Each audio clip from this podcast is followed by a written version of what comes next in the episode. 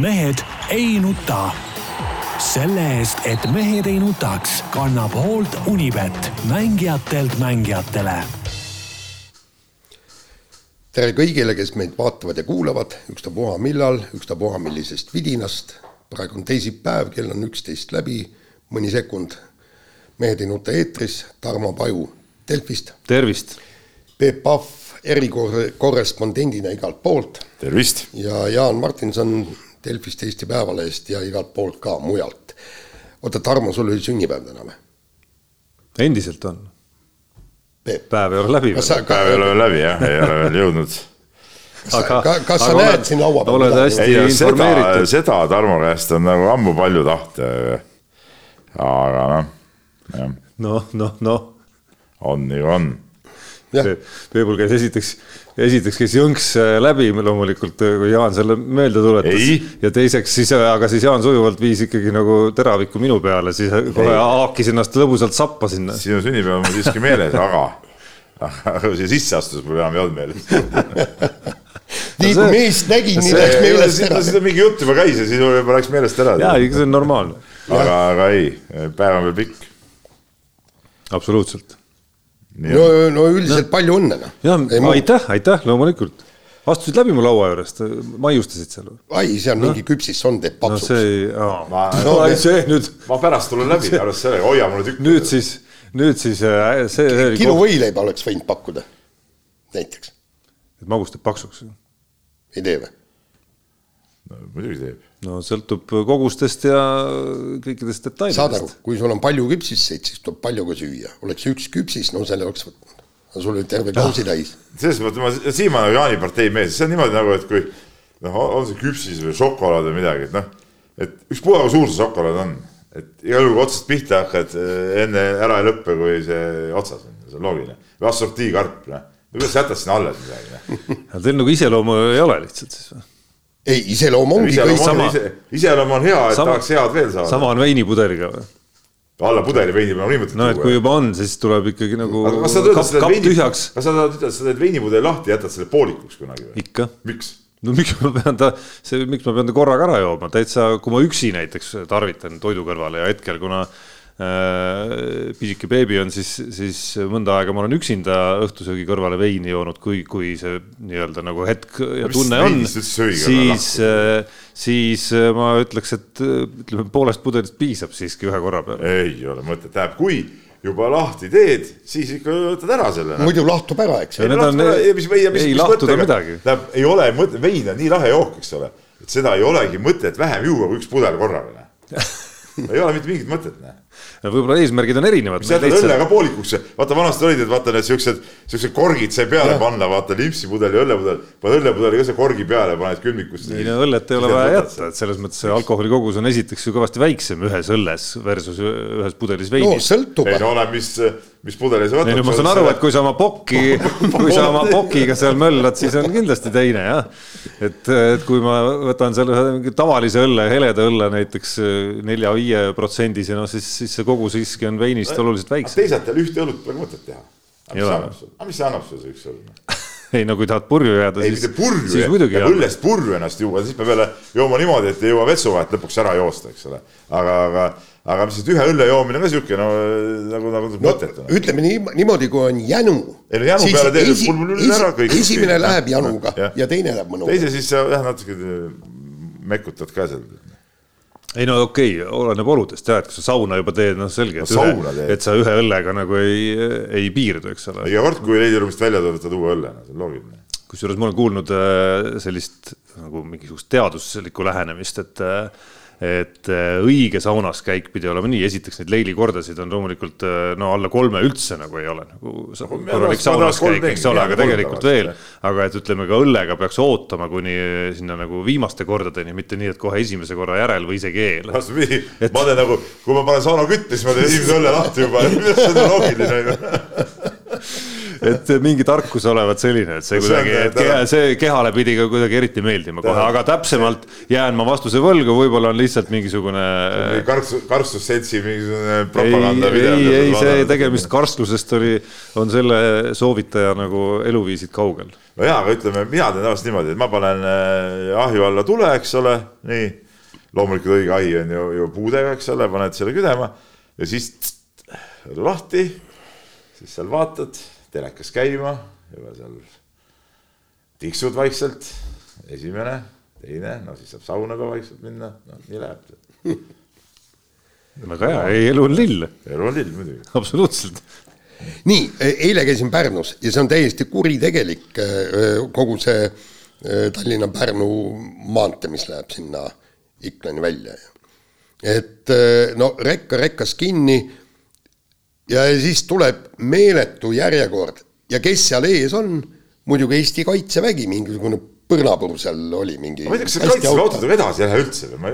põhimõtteliselt ta sõit-. ma olen mõelnud selle peale, tegelikult ütleme, kui mina olin Vene sõjaväes, eks ole, seal täiesti tavalised autod, need läksid ikka samasuguse hooga edasi kui kui kõik teised masinad, aga ma ei tea, kas need Eesti kaitsemasinatel on mingisugune käigud ära võetud või ma ei tea, mis, mis kuradi aeglustust sõitu nad teevad maantee peal. ei, aga kusjuures nad loovad ju liiklusohtlikke olukordi, sellepärast et. mille, kuidas nad ühest kohast teise jõuavad siis? sõitku kiiremini, mis see on siis noh. ei no aga Tarmo tõesti no.. viiekümnega sõitma. kuule, sa, see, selle küsimuse püstituse nagu põhiküsimus siiski ei ole need kaitseväe autod, nagu sa aru saad, vaid see, mis toimub või kuidas on üles ehitatud Tallinna-Pärnu maantee, see on küll absurdne. no et siin on. ja kolonnid on igal juhul üks. et siin on aja jooksul räägitud Tartu maantee neljarealiseks ehitamisest kõvasti-kõvasti, ma olen viimastel aastatel ka Pärnu suunas rohkem liikunud ja noh, tegelikult on ikka päris päris karm trass. Ja ei, aga ma veel. ma tahaks tulla selle kaitse juurde, et Herem on nagu pull vend, käis siin toimetuses ükskord rääkimas ja see on tore vend, eks. kuule, ma arvan, sulle endale meeldib ka kiiremini autoga sõita, võta see asi nüüd ette, vaata, kuulame saadet ka, teab väga hästi. võta see asi ette nüüd, võta need kuradi aeglusid maha sealt nendelt masinatelt, nad ei pea sõitma selle, selle metsas urramise käiguga, eks ole, et sul on on pandud mingisugune, et saaksid ronida küngastest üles, maantee peal võiks võtta täitsa tavalise käiguga, eks ole, no tee mingi, anna mingi ukaas välja või mingi asi selle kohta. ja, ja muide eile oligi. vahetada sõidukite park välja äkki. autod, Lamborghini. ei, mis Lamborghini, kuule, saad sa ise ka aru, ei pea olema Lamborghini selleks, et sõita üheksakümnega maantee peal, noh. Need, need, need Villise tüüpi kähmakad, millega nad seal sõidavad, need võivad rahulikult üheksakümnega sõita. ja ei, ei, aga Tarmo, ma räägin, et eile oli seal tõesti, tekkis väga mitu liiklusohtlikku olukorda, sellepärast et autorong oli just see kaitseväe autole järgi jõudnud ja kujutad ette, rekad hakkasid siis ükshaaval sellest kuuekümne viie, seitsmekümnega sõitvast autost mööda minema ja seal oli ikka mitu head napikat, aga see rekkajuht ei saa ka ju veereda sada kilomeetrit järjest äh, kiirusega kuuskümmend viis kilti tunnis. ja ta ei saa kahjuks ka möödasõidul äh, suuremat kiirust, siis ta sõidabki niimoodi vaikselt sealt mööda, tead, nendel on ju piirajad peal seal üheksakümne. ja kusjuures ma mõtlesin, okei okay,, kui sul tõesti, tõesti hoogu ei ole, siis mine kuskilt tee kõrvale, lase see autorong mööda sellepärast, et see tõesti ausalt olid need liiklusohtlikud olukorrad. teine asi oli buss mul oli täpselt, minu ees oli buss ja kui buss hakkas ka nendest rekkadest ja, ja kõikidest mööda minema, tema ei saa ju hilineda. tema peab õige ja seal olid ka rekkad, kes sõitsid mingi seitsekümmend viis, kaheksakümmend kilti tunnis, eks. ja buss hakkas nendest mööda pressima ja, ja pressis ka lõpuks on ju, eks aga, aga, aga ei saa ju niimoodi olla, et, et buss hilineb pool tundi sellepärast, et, et seal mingid pagana rekkad ja kaitsevägi. no vot ja siis mingid tondid räägivad, et ärme ehita teid äh, laiemaks, et selle, seda ei ole nagu vaja, eks ole, noh, noh. pange põlema oma siukse jutuga ennast, et noh ei no see Pärnu trass on, on ikka päris karm, selles mõttes isegi, isegi ilma kaitseväe selle, isegi, isegi selle kaitseväe kolonnita on ta suhteliselt karm, et ainult rekkad on seal, et noh, ta on ju käänuline, seal möödasõidukohti pole tegelikult suhteliselt niisugune isegi teinekord Pärnusse minnes ma soovitaks isegi teist kaudu minna, tuleb pikem küll, aga päris mõnus sõit on, kui sa lähed sealt, mis ta on siis Viljandi maantee kaudu välja ja kuskilt sealt mingit Vändrat või no kuskilt sealtkandist seal, ma võin eksida mõne asulaga seal. selle nii-öelda Paidest Paide, Paidest mööda seal just. Tihemesse juures tuleb sinna Valga Uulu maantee peale välja, tuled Uulu poolt sisse või, või teine variant on veel, tuled sealt Paikuse kaudu veel. hästi, hästi äge, oluliselt rahulikum ja looduse mõttes väga ilus kant sinna tee peale jäävad veel mingid rabad ja, ja. soovitan. nii, aga lähme. kohe. jah Lähme nüüd spordi juurde ja, ja nagu. liiklusest võiks muidugi rääkida pikemalt veel. ai no muidugi, aga siis selleks teeme hoopis liiklussaate, räägime spordist. ei no võib-olla väike soovitus Tallinna liiklejatele, et kui siin on ummikuid rohkem praegu, et et neid ummikuid oleks natuke vähem, kui, kui te neid ristmikke kinni ei sõida viimaste nii-öelda nagu tulijatele. et nagu noh, nagu päriselt oleks vähem, sest sa paned ju teise reaga kinni sellega ja lõpuks kuhjub kõik kogu see, kogu see värk. nii. mul on teine soovitus veel, et kui sa oled foori taga, eks ole, siis ei ole niimoodi, et roheline läheb põlema ja siis sa hakkad alles otsima, kus käigukang on, et käiku sisse panna ja siis õrnalt niimoodi no see on isegi okei okay variant. niimoodi hakkad vaikselt-vaikselt veered sealt üle ristmikut, et täpselt kaks autot võib minna ja juba on punane ees. et käik peab olema sees, nii kui läheb kohe, lased sealt kohe täiega võmbdi üle, tead, mida rohkem masinad üle jõuab. Noh. ja, ja kusjuures ma täna, täna oligi just huvitav, et mul oli terve rida autosid olid ees ja kõigil on ju pidurituled näha, eks. ja seal siis oligi ristmikult, no see ristmik, mis meil siia paganama Narva maanteele ja, ja, ja sa näed, läheb roheliseks ja siis hakkavad need pidurituled ükshaaval nagu kustuma, esimene auto, siis sekund, kaks järgmisel autol. kõik autod peaks saama ühel hetkel hakkama liikuma, nii kui esimene hakkab liikuma kohe.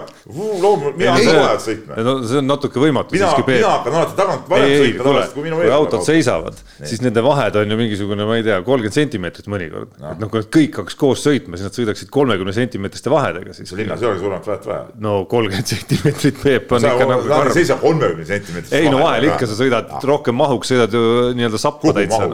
no sinu taha kuskile nii-öelda kahe foori vahele näiteks noh no point on selles, et sõid kiiremini. ei no teine point on see, et täna hommikul, see oli isegi hea variant, mis sa kirjeldasid.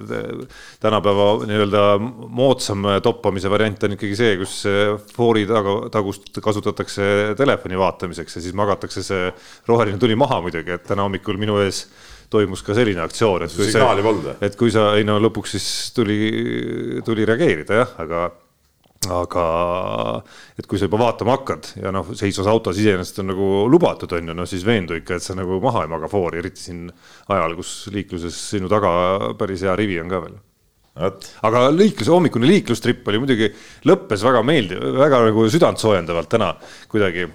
lõpuks, ah ja kusjuures väga tore vahejuhtum oli lõpetuseks, ehk siis äh, keerasin äh, siin meie maja taga sellest Pro Capitali parklast, sõitsin läbi, sealt Kreutzwaldi tänavalt tulin, keerasin paremale, et sõita meie parkimismajja Jõe tänavale välja. Ja siis äh, kõnniteelt, enne kui ma välja keerasin, üks väike poiss tuli, no ma ei tea, algklassi, pakun esimese klassi poiss umbes, pisike poiss. ja siis jäin seisma, et poiss läbi lasta sealt eest. Ja no poiss oli nii hästi kasvatatud, et kohe nagu lehvitas tänutäheks niimoodi, onju. aga ma nagu kuidagi olin seal oma mõtetes vastu, siis nagu ei viibanud talle siis keer, ei, keerasin paremale, siis ta lehvitas uuesti veel. siis ma lehvitasin vastu, siis ta oli väga rahul. äkki meil tuttav? ei, ei, ei, ei täitsa ei tea, et oleks vähemalt, et no., et selline südantsoojendav, hästi kasvatatud äh, väike poiss. Äh, kui vanemad tundsid ära, siis äh, tundke head meelt, et et poissi on õpetatud olema väga viisakas ja oma tänu välja näitama. Kuule, läheks nüüd, veerand tundi on räägitud. läheks nüüd korvpalli. just, tähendab saate eel ma palusin Tarmole, et kuna korvpall on meil esimene teema, et siis proovige piirduda noh, niisugune kolmveerand tunniga, sest vähe, vähem te niikuinii ei suuda, et siis mõni minut jääb ka üle. Polegi eriti midagi rääkida. nii, no Eesti, no Eesti, Tarmo võib kõik ära juba. jaa, no Eesti poolega on selles mõttes võib-olla ongi, et ega, ega ju väga palju ei olegi, et see esimene finaalmäng on juba mälust nii tuhmunud, et et jube pikk vahe on. et jube pikk vahe on ja ega see kindlasti nagu, nagu kuidagi nagu sellele seeriale nagu head ei tee, et selles ei mõttes tee. on NBA, okei okay,, me võrdleme siin muidugi võrreldamatuid asju natukene, on ju Äh, aga noh, on nagu mõnusa rütmiga panevad seal, eriti praeguses turniiri faasis, kus siin konverentside finaalid on käinud, on ju, kus no sisuliselt iga hommik sa tead, ärkad üles, kalendrit ei pea vaatama, tead, et öösel oli mäng või hetkel käib isegi. Ja siis äh, võtad järelvaatamise ette või kui aega ei ole, siis vaatad tulemuse üle ja, ja vajadusel vaatad mängu lõppu ka veel üle, nagu täna hommikul sai, sai tehtud, et. et nüüd on päris pikk paus olnud kahe mängu vahepeal, kui veel meenutada seda esimest natukene ja, ja mõelda tänasele teisele mängule, mis noh, arvata võib, et võib olla ikkagi väga võtmemäng mäng, juhul kui Kalev Cramo selle võidab, siis, siis noh, siis, siis, siis on nagu väga keeruline sealt, ma arvan, äh, näha veel nagu väga põnevaks seda seeriat minemas, siis äh, no midagi ei ole öelda, et esimese mängu Tartu lasi ikka super võimaluse käest, käest äh, ära minna noh, see on lasine, mis no, on lasine. no selles mõttes lasi ikkagi. oli kõik. natukene, kui me läheme Euroliiga juurde, sama skript natukene no, sarnane skript natukene, et noh, see, et see, see oli nagu nii-öelda nagu, nagu nii nagu oli olümpiaakose kätes see mäng, nii, nii oli ka nagu Tartu mitte nii kätes, ütleme, sest seitsmene vahe oli, oli natukene varem ikkagi, aga, aga, aga see mäng ongi selline, noh. see mäng ongi selline, sa ühel hetkel sa ei pane enam sisse ja, ja ega siis midagi teha ei ole, noh. seal olid jah, otsustavad hetked olid need Vaidalovitši vabavisked ja, ja kus see ütleme, sihuke murdumine või, või ebaõnne või ebaõnnestumiste jada pihta hakkas, noh. mõlemad vabakad mööda ja, ja sealt tuli järjest ja järjest ja noh, muidugi täiesti käsitlematult äh, seekord Kalevi särgis mänginud Gordon siis muidugi tegi, tegi kõik, mis võimalik, et, et Kalev, Kalev võidaks, eks ole, noh, ajas mingit täielikku lollust seal platsi peal, kaotas palle ja, ja no kõik need lahendused olid, olid väga halvad, et, et noh, jah, võib öelda küll, et mõnes mõttes äh, Tartu andis ära, no seal olid ka Masurs, Masursi kõikides käikudes ka hästi aru ei saanud näiteks, et äh, et noh, et, see, et ta Pökter, et teisel poolel pinges, see oli okei okay,, Pökter oli hästi kehva esimesel poolel, aga mis see Kivi seal lõpus ei mänginud, Kivi mängis ju ju jumala hästi tegelikult, Kivit nagu seal viimasel veerandil polnud üldse nagu näha. jah, just nüüd siis, kui, kui kui mängib Robin nagu Kivi on nagu mängima saadud ja täpselt, enesekindluse üles saanud juba, juba eelmise seeria lõpus. et see tekitas mul küsimusi ja, ja noh, jah. aga no eks see on niimoodi, et ega kui, kui sa sisse ei viska, kui sa viskad kogu aeg järje, järjepanu mööda, noh siis eh, ka normaalsetelt viskekohtadelt, ega sa osad viskad olid täitsa normaalsed viskad. Pandi need ka mööda, no kes ei saagi võita. aga noh, natukene see mustri sarnasus on, okei okay,, Kalev Cramos ei ole Rudi Fernandeseid ja Sergei Lülle ja, ja selliseid mehi, on ju, aga, aga neil on kuidagi see selle hooaja DNA-s eriti sees ikkagi, et see oskus rasketes seisudes mängida ja, ja mängida lõpuni ja, ja otsustavatel hetkedel pigem nagu koduseid konkurente ära ka murda, et see mingit rutiini on neile nagu tekitanud see hooaeg ja, ja see on natukene selline Tartu mängude muster ka olnud. Selle karikamängu või seda Eesti-Läti liiga mängu äh, Final Fouri pole mõtet nüüd võib-olla meenutada, aga muud mängud on olnud sarnase mustriga ikkagi ja aga ütleme nii, et Kalev nüüd hästi ka ei mänginud mitte mingi ühestki otsast tähendab noh, minu arust, et, et no üksikud äh, mehed mängisid hästi ükskõik, mehed, okei okay,. Mis on, mis on muidugi ka tunnustus lõpuks sellele, kuidas see sats on komplekteeritud, et, et seesama on ma eile just eile just, eile just rattasõidu ajal jäin õhtul mõtlema selle peale, et noh, seesama Kovliar näiteks, kes mängis eelmisel hooajal Tartus, et see on ju, mäletate, et kui Heiko Rannur läks Kalev Cramosse, siis see oli vist üks esimesi värbamisi, oli, oli Kovliari tulek Kalev Cramosse. et ma ei tea, kui palju Eesti noh, sellises võib-olla seal treenerite skeenes oli seda nagu täheldatud juba nagu laialdasemalt, aga, aga noh, selleks pidi Heiko Rannul ikkagi nagu silma olema, et tunda ära, et, et Kovliari-sugune mees äh, tal on selline potentsiaal, et ta aasta pärast tassib mulle finaalseerias mänge juba ära. ma ei tea, kas ta isegi ootas, et see nagu, et see nagu areng äh, noorel ukrainlasel nii kiiresti käib, aga, aga noh, tema äh, siis Hugo Toom oma sellise noh, sellise noh, võitlusega lihtsalt väljendudes ja, ja oskusega lõigata õigetesse kohtadesse, leida täpselt need kohad üles, olla lihtsalt üks väga ebameeldiv selline tõeline play-off'i mees ja noh, tegelikult siis ka sellise ekstra luksusena, mida Eestis ei ole kellelgi teisel, siis Gregor Hermet, et kui sul on nagu noh, see on nüüd luksus Eesti mõistes natukene praegu siin konkurentidega võrreldes natukene, et sa, et sa saad nagu Hermeti-suguse mehe, kui sul nagu teistel ei suju, Konontšukil ja Kitsingul saad tuua siis Hermeti-suguse mehe, kes tundub, et on nüüd ka finaalseeriaks ja otsustavateks mängudeks päris heasse vormi jälle läinud. no Hermet jah, Hermet Hermetist, no Raimo. No rünnaku poole peal just. kui me räägime siis ikkagi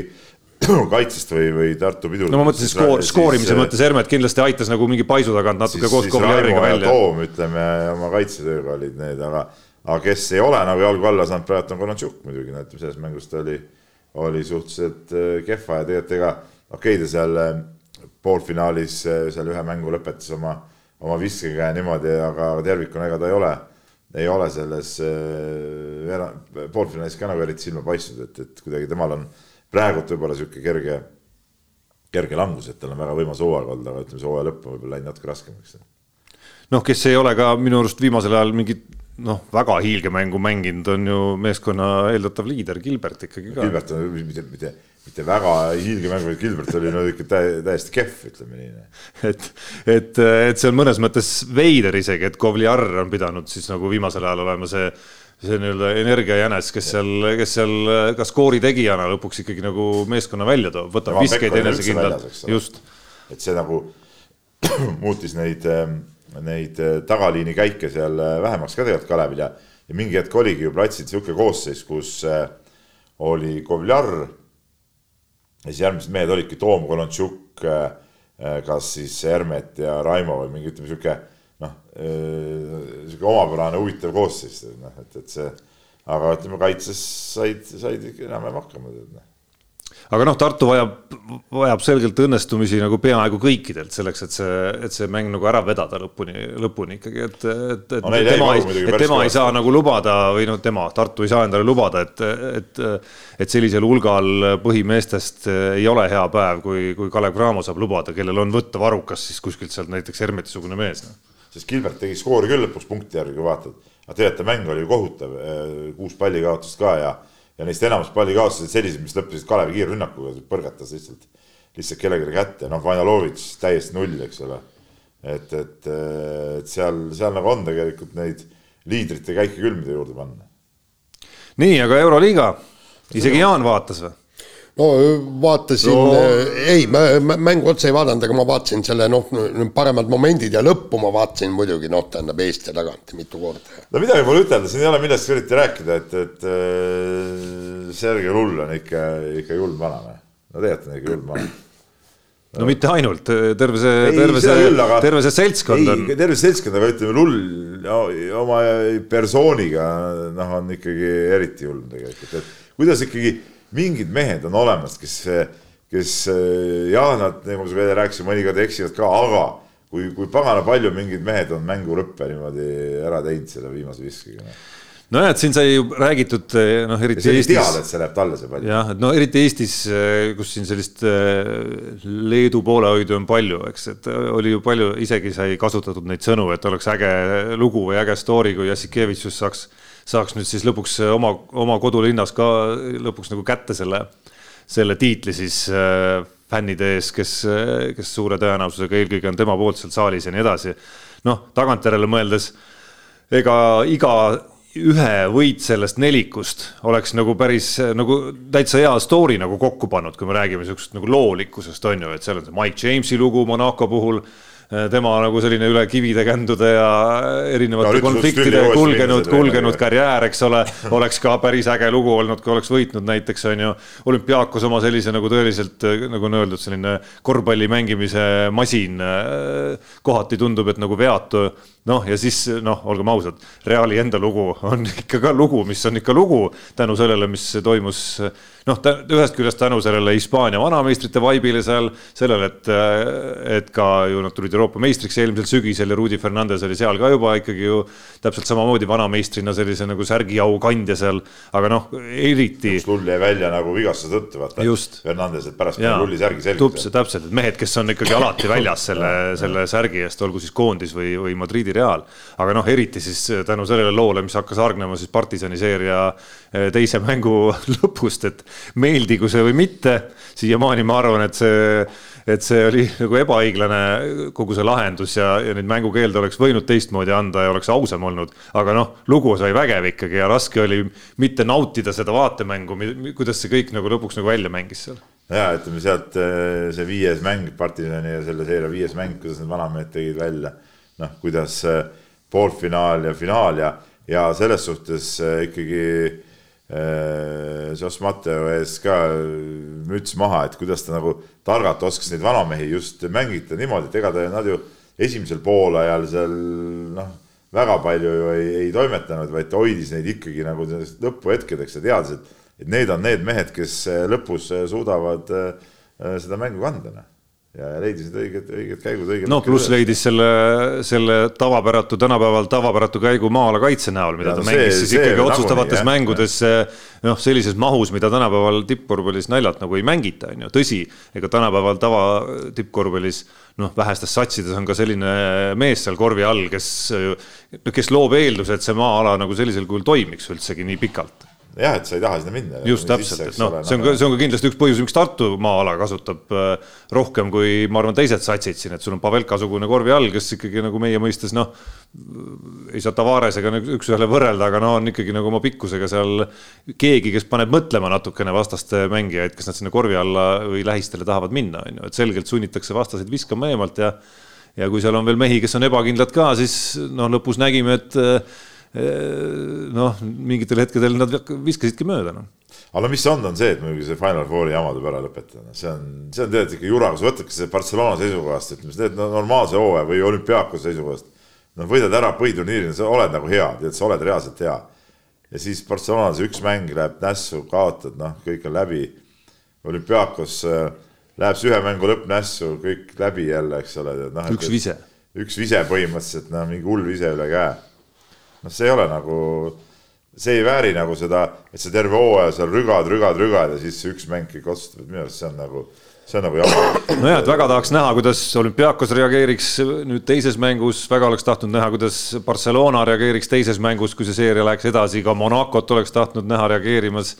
Äh, nad ju juhtisid, võitsid poolfinaalis esimese poole ja väga-väga sümpaatsel moel, et, et kõik need reaktsioonid jäävad nägemata ja teine, mis jääb nägemata ja mida isegi Kaunase-suguses kohas ikkagi isegi teleekraani kaudu oli tajuda, et noh, see ei ole nagu päris see aura, kui sa mängid neutraalsel pinnal, et ja, esiteks seal tekivad need tühjad kohad, lihtsalt tekivad, ei ole see koss nagu päris jalgpallimeistrite liiga, kus, kus no või nagu Coldplay kontsert, kus noh, naljalt ikkagi nagu ükski pilet eales nagu müümata ei jää, on ju.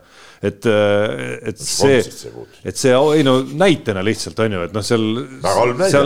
ei no ei ole halb näide, sest isegi finaalis, ma saan aru, oli ikkagi nagu tuhandeid kohti vaba, vabad ka seal, eks ole, et sul, sul ütleme, oma satsi seal ei ole ja, ja mingil hetkel ma saan aru, piletid mingi defitsiidina läksid ära, aga lõpus umbes kahekümne euro eest olid nad täitsa nagu pakkumisel, on ju, et seal on ju mingid piletid, mis jagatakse klubidele välja, kust lõpuks keegi kohale ei ilmu. mingi Reali-sugune klubi näiteks või Monaco-sugune klubi, neil pole fännibaasi, kes lähevad välismängule oma, oma klubi sadades, rääkimata tuhandetest toetama et, äh, et noh, see lõpuks kajastub seal tribüünidel, et kui sa mängid Madridis või mängid Barcelonas või isegi Monacos, siis sa saad hoopis teistsuguse aura sellele mängule, et see on ka see miinuspool, et kuidas seda praktikas teha muidugi.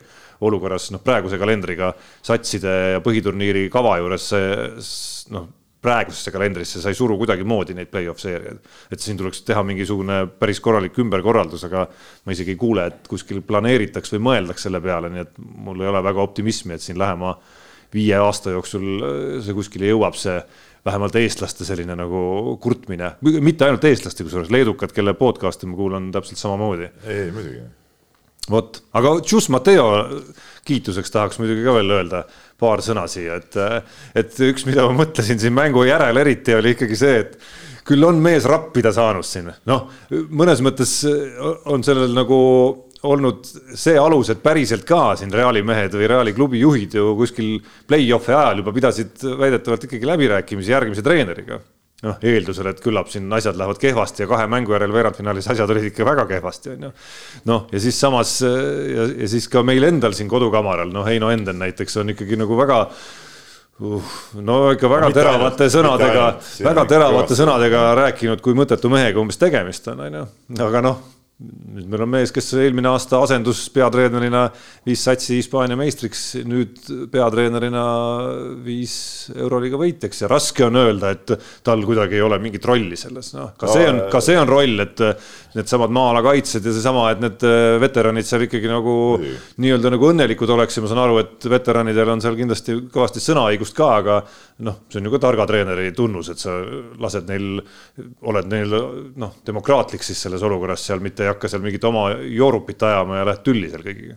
no Valter Tavarese sõnavõtt pressikonverentsil võtab seda asja väga, väga hästi kokku, et ega siin nagu raske on, on midagi tegelikult lisada sinna, et, et see, see ütleme, mängijapoolne tunnustus treenerile ja see, mis ta seal räägib, no see, see, see ongi see, mis, mis tegelikult loeb, mitte mingite kõrvalt vaatajate mingisugune umbluud, et noh nii, Jaan, sinu soov on täitunud, ehk siis äh, kolmveerand tunnist ei olnud lõhnagi.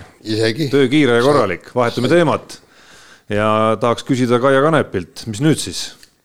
ehk siis Kaia Kanepi otsustas Strasbourgi tenniseturniiril paarismängu partneriks valida venelanna Angelina Gabujeva no nii nagu ma, ma ei mäleta, Jaan, meil oli seal mingi Skype'i vestlus ka, kus ma ütlesin mm, -hmm. et no see rong on vist nagu tegelikult äh, läinud, et ega need, need asjad äh, niimoodi, niimoodi liiguvad ja, ja siin oli isegi uudis, et kus isegi üks Ukraina naismängija vist äh, no, lannaga paari mängima. no kui ja ma nägin seda pealkirja ka ja vaatasin sinna sisse ka, et noh, seal oli tegemist ikkagi nagu väga selgelt äh, Ida-Ukraina noh, nii-öelda vene, venelannaga põhimõtteliselt siiski, et see no,, see no,, see oli selline pro, pro-Venemaa, pro-Venemaa Ukraina kodanik, ütleme siis nii. nojah, aga ma ütlen, et, et aga paratamatult see venelaste tagasitoomine on võtnud ju need, need mõõtmed ja, ja ega, ega siis ma ei ole küll nagu väga vaadanud, aga, aga kui vaadata järgi, et kui, kellega ja kui palju need venelased, ütleme selle aasta jooksul või venelased ka, eh, mehed, nii mehed kui naised on paaris mängu mänginud, siis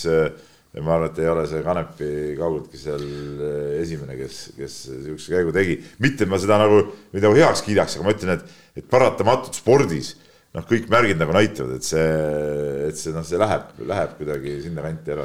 nagu no, ma sain aru, et, et tegelikult Kalepi pandi mõneti sundviskesse, eks ta tahtis äh, meie enda tennissisti eh, eh, Malõginiga mängida paari, Malõgina äh, paaris mängule peale ei saanud. ja, ja siis ja, kuna ta oli paaris mängus üle antud, siis tal oli valida ainult kolme venelanna seast, eks. Äh, ma ei tea. neljas valik oli veel siiski.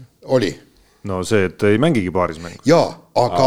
võtmine vist, see no,, see ei möödu ilma sanktsioonideta. just täpselt, et, et see, see on üks asi ja, ja tegelikult ega me ei tea ju seda tausta, et kui palju ta oli kohustatud ja, ja, ja me ei tea ka seda, kuidas tegelikult kogu selles VT, VTA ja ATP ehk siis tipptennise keskel kõik see suhted, omavahelised mm, läbikäimised ja kuidas, kuidas kõik nad on.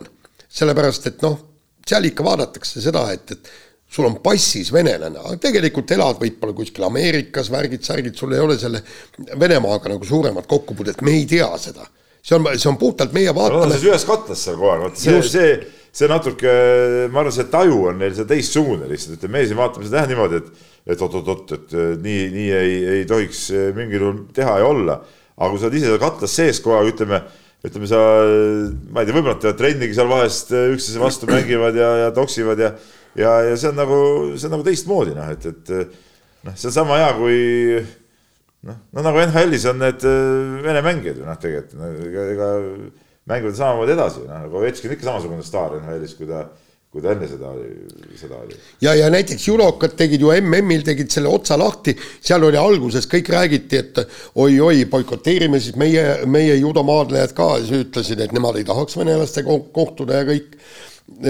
toodi venelased sinna neutraalse lipu all ja, ja ei mitte, mitte ühtegi loobumist, mitte ühtegi protesti, mitte ükski riik kõrvale ei jäänud peale Ukraina elu läheb edasi no,. Eesti, Eesti, mis, no, nagu, mis on veel hea näide? no Eesti judokad lõpuks selle valiku ette lihtsalt ei sattunud, eks ole, et noh, nendel nagu läks noh no,, nad ei pidanud seda lõppkokkuvõttes tegema. jaa, aga, aga ma ei usu, et nemad oleksid teinud, kui ta, kui nad näevad, et, et, et muu maailm ja. seda ei tee.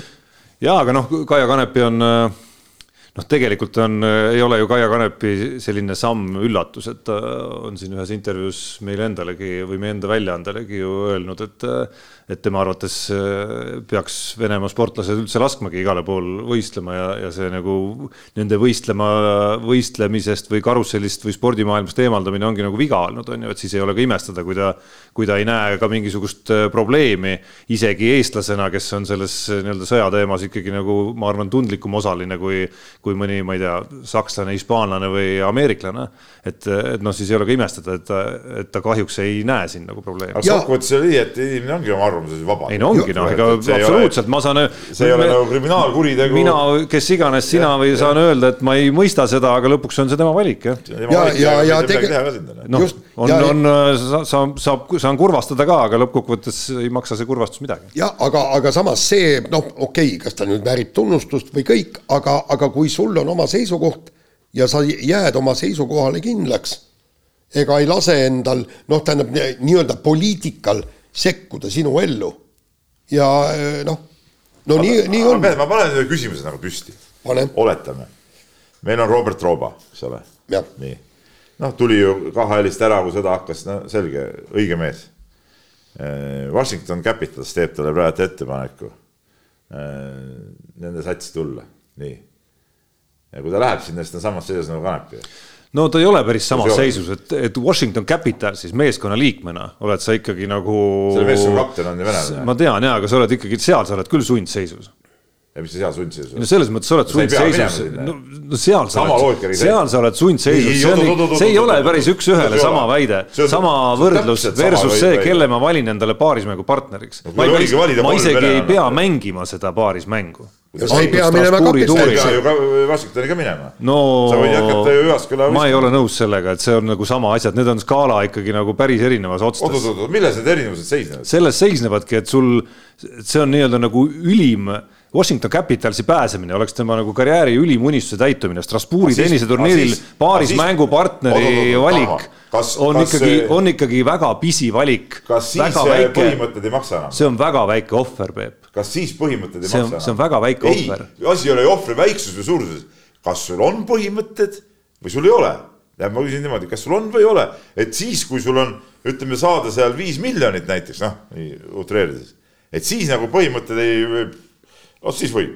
sul on saada sealt viis tuhat eurot, no siis kurat on põhimõtted. ei no asi ei ole rahas No, no,, asi on- on ka selles, et su sportliku nii-öelda nagu, kuidas öelda, see on su sportliku ambitsiooni nagu tipp, pääseda NHL-i näiteks. ja ma arvan, et seal ei ole satsi, kus ei oleks ühtegi Vene mängijat. no No ei ole, tegelikult ei ole, ilmselt ei ole, ma ei ole vaadanud üle neid. ma küsin veel kord, kas siis põhimõtted ei maksa või? ei no see ei olegi sama põhimõte sellel juhul. see, et ma valin endale paarismängu partneriks kõikidest mängijatest Venemaa tennisisti, on natuke teistsugune valik. Jaan ütles sulle, et kui tal see oli-, kas tal ma lähen tükki, kas, kui see, kas ma lähen NHL-i või mitte kuulen küll, tal oli valik jätta mängimata. see on tähendab, kas tähendab karistust? ei tähendanud, leiab mingi No. no, põhjuse alati, miks ja loobuda. et ühesõnaga hakata valetama, kas see, kas see on õige? et, et kui, teisel kui teistmoodi ei saa, siis jah, mina antud juhul no. arvan niimoodi jah. ei no minu arust saab reaalsuses, tegelikult ma olen, hämmastab mind sinu seisukoht, sest et, et eh, kuidas need põhimõtted saavad nii seinast seina käia ühe sama asja suhtes no.. minu seisukoht, Peep, ongi see, et need ei ole päris samad asjad. absoluutselt samad. ei ole samad asjad. noh, see, see ongi sul nagu vale. KHL oleks sama asi, et ma valin, ma lähen KHL-i mängima. aga see ei ole tema absoluutne tipp? see oli ka äh, Rooba mõistes absoluutne tipp. ja ta tuli- ja ta tuligi ära nii sealt. tuligi ära sealt, nii. aga võrd-, panna ühele pulgale KHL ja NHL-i klubi, kus mängib ka Venemaa mängijaid, mis on noh, kus ei ole Robert Roobal tõesti mitte midagi teha see, see, temal ei ole võimu otsustada, kas, kas seal Ei, ei, tema ongi, klubis alati- Washingtonis või äh, Detroitis või Ottawas on mõni Vene mängija või mitte. hälli minema, see lihtsalt nagu näide, eks ole. See ongi näide, aga Kaia Kanepil on see valik. aga alati on see valik ka mitte minna, noh, väga lihtne, noh. täpselt sama, nii et see. Ei ole täpselt, minu arust ei ole täpselt sama. täielik, udu, mis sa ajad, tead. noh. nii, aga lähme edasi ja Eesti laskusukoondis sai siis uue peatreeneri, ma pean prillid eest ära võtma, see kiri on nagu kirbu seesamune siin ja selleks sai austerlane siis eh, Stefan Lindinger, noh noh, ma ei oska midagi, ma vaatasin tegemist mingi teadlasega, et, et. Ei, vot- aga, aga ta on olnud ka, ma saan aru, ta on olnud mingi hetk Venemaa koondise abitreener. Koos Pihleriga. koos Pihleriga jah, ja, ja on ka Darja Domratšova treener olnud mingi hetk. aga ütleme sellist, noh, sihuke minu arust ikkagi suhteliselt äh, no ma ei tunne inimest, ma ei taha liiga teha, aga, aga mulle tundub sihuke täiesti nagu ootamatu või, või, või eh, kuidas ma ütlen, tundmatu valik tegelikult. noh. tegelikult nagu mina ma sain, rääkisin ka ühe sportlasega, kes eh, ütles ka enne noh, et, et noh, me ei rääkinud tema nimedest, ma küsisin, et, et kuidas, sa oled nagu rahul, ta ütles, et noh, ma ei oska enam rahul olla, kui me oleme nagu kokku saanud ja rääkinud, et mul nagu puudub äh, nagu varasemast temaga nagu igasugune kokkupuude, noh, see juba ütleme, sportlased, kes nagu suures äh, kattes tiirlevadki näiteks noh, kui neil puudub kokkupuude, siis see räägib üht koma teist. jaa, aga, aga, aga aga vaata, võib-olla on väga hea valik, ega ma ei oska ütelda. just, tähendab, mida, mida mina olen kuulnud ja nagu mina olen asjast aru saanud, nad tahavadki sinna laskesuusatamisse ja treeningutesse ja kusjuures ta on ju murdmaa, suusatamise, et jah, jah jah., et tuuagi seda teaduspoolt, millest on puudu jäänud, vaatame, kes need on need treenerid on olnud, eks.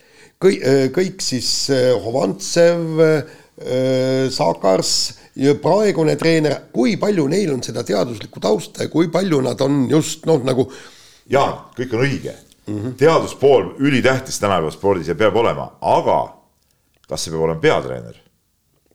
ei, aga tema otsustab, tema te,, tema näeb, vaata, mul on miskipärast tunne, et kõik need kolm eelnevat välistreenerit, kes meil on olnud, nad on noh, töötab on nagu praktikud. äh, praktikud ja töötavad oma enesetunnete, tunnete peal ja kõik, et kui palju nad tunnevad seda spetsiaalset äh, s- sportlaste füsioloogiat ja kuidas nad on küll ikka tunne, ei seda. jaa, aga, aga mil-, millisel tasemel, okei okay,, ma, ma, ma olen täitsa nõus, et äh, okei okay,, minu meelest ideaalne võib-olla oleks olnud niimoodi, eks, et, et Dobreluts pluss nüüd siis see Austermann. täpselt. Aga Dobrelutsuga on jälle see häda, et pool koondist seda poleks tahtnud. no Selles just ja, ja, ja kusjuures on see treener, mis ta on, ta ei ole kehv, sellepärast et kui sa Pihleriga koos töötad, siis järelikult aga siis ta oligi nii-öelda teaduslik abiline. no jaa, aga noh, samamoodi Peep on ju, Tšus Mateo kümme aastat oli Pablo Lassa abitreener ja nüüd on ma tahan peatreener. rääkida, tema roll oligi võib-olla seal mingid, ma räägin võib-olla, ma ei, täna inimesed lähevad pressikäes, mis pärast kuuleme, mida räägitakse. et, et kui ta oli niisugune teaduslik abimees, siis ütleme, see teadusliku abimehe ja peatreeneri, ütleme, kes siis nagu kogu seda protsessi peab kuidagi seal juhtima, haldama, et need rollid on ikkagi päris erinevad, ma just mõtlengi seda, et kuidas ta kogu sellest ka hooaja sellisest ütleme, praktilisest poolest nagu nagu üle käib, aga seda ongi huvitav vaadata, ei no selles suhtes väga huvitav valik. noh. ja, ja ma, ma arvan, et, et tähendab jälle puht, puht minu arvamus, et ühel hetkel on ta jõudnud sinna punkti iseenesega nõu pidades, et ja, ja kindlasti ta on ka Pihler ja kõikide teiste treenerite kõ- kõrvalt õppinud, et nüüd ma olen sellel tasemel, et ma saan astuda järgmise sammu. Et nüüd ma saan hakata tegema peatreeneri tööd ja, ja see ongi põhjus, miks ta siia, siia Eestisse aga ma ei saanudki aru, millal ta viimati treeneritööd tegi, et ta oli viimasel ajal nagu mingi professor kuskil, ma sain aru või? ei no ega seal, seal nüüd äh, suurt vahet ei ole, kui ta on kõik, selle asjaga kursis ja ta tunneb ise, et ta on valmis.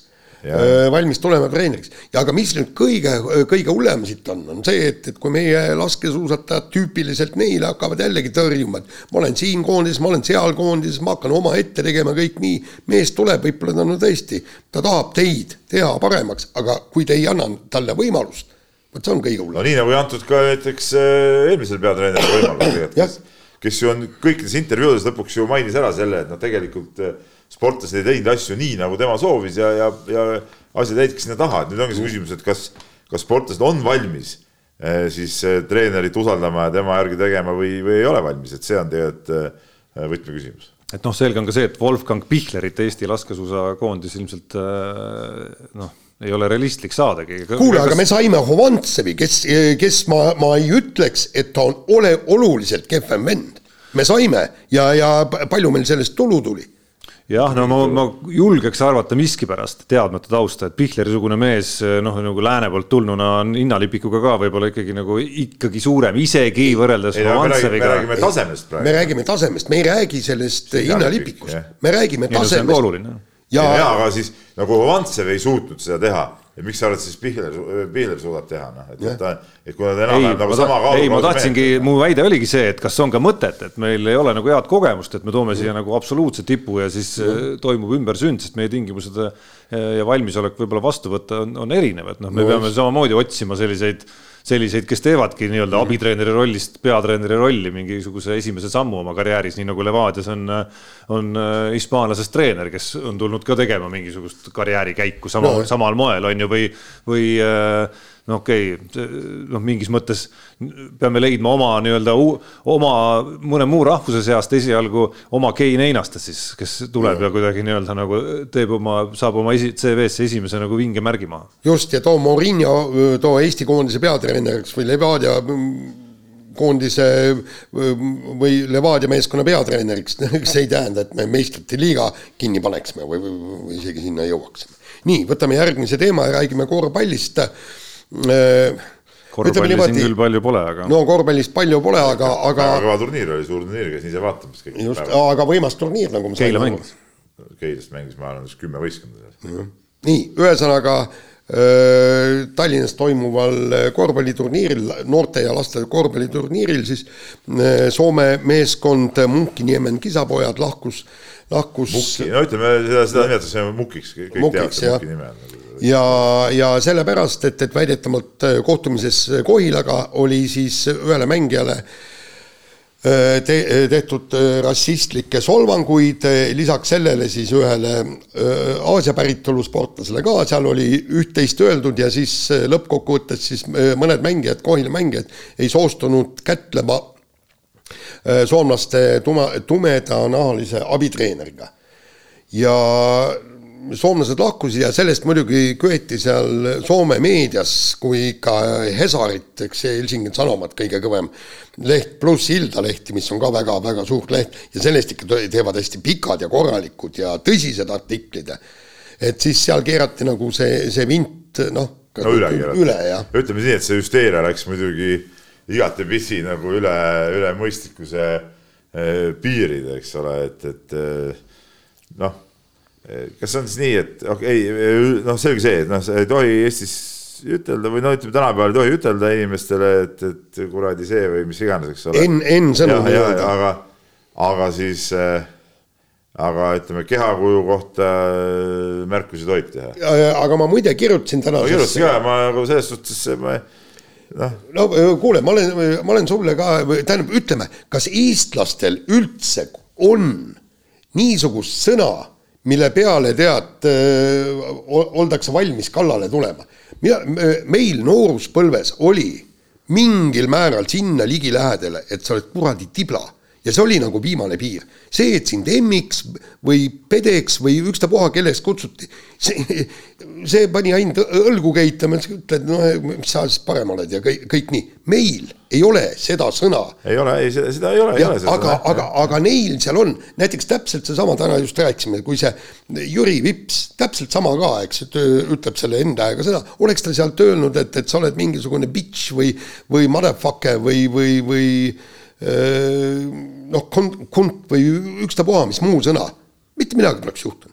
Aga on olemas rassistlikud no, see on, see on nagu täielik veidrus tegelikult. jah, ta on veidrus, sellepärast ta on nagu kultuuri küsimus ja no, aga oleme Eestis. on see täiesti, mis see Eestis, see ei ole nii, mis see, mis see loeb, et Eestis, ma arvan, väga hea, kui me Eestis jõuame ka sinna, et me, et äh, nii-öelda rassi pinnal või seksuaalse orientatsiooni pinnal Äh, noh, solvamine üldse pole nagu iseenesest ilus ja vajalik, on ju, oota, lase nüüd lõpetada, et see ei ole nagu, et see, et see ei ole nagu okei. Okay.. ja ma arvan, et, ja ma arvan, et sa ei vaidle sellele ju vastu tegelikult, on ju, et nüüd konkreetne stseen on ikkagi see, et kuidas, et seal on minu arust nii palju asju, mida siis nagu täiskasvanud oleks pidanud nagu kuidagi nagu paremini, tuletan meelde, see laste üritus, last, lasteturniir lõppkokkuvõttes. see oli U kaksteist. kuidas, kuidas, mida, mida kõiki need vanemad inimesed, kes kõik olid seotud seal ühe või teise meeskonna või võistkonnaga, siis.